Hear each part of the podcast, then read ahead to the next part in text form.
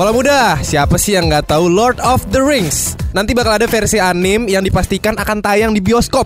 Jadi film animasi berjudul The Lord of the Rings, The War of the Rohirrim direncanakan bakal tayang di bioskop pada 12 April 2024. Kalau mudah, pemberlakuan pembatasan kegiatan masyarakat atau PPKM Jabodetabek berlanjut di level 3. Tetapi beberapa aturan dilonggarkan seperti ketentuan work from office dari semula 25%, kini kapasitas ditinggikan menjadi 50%.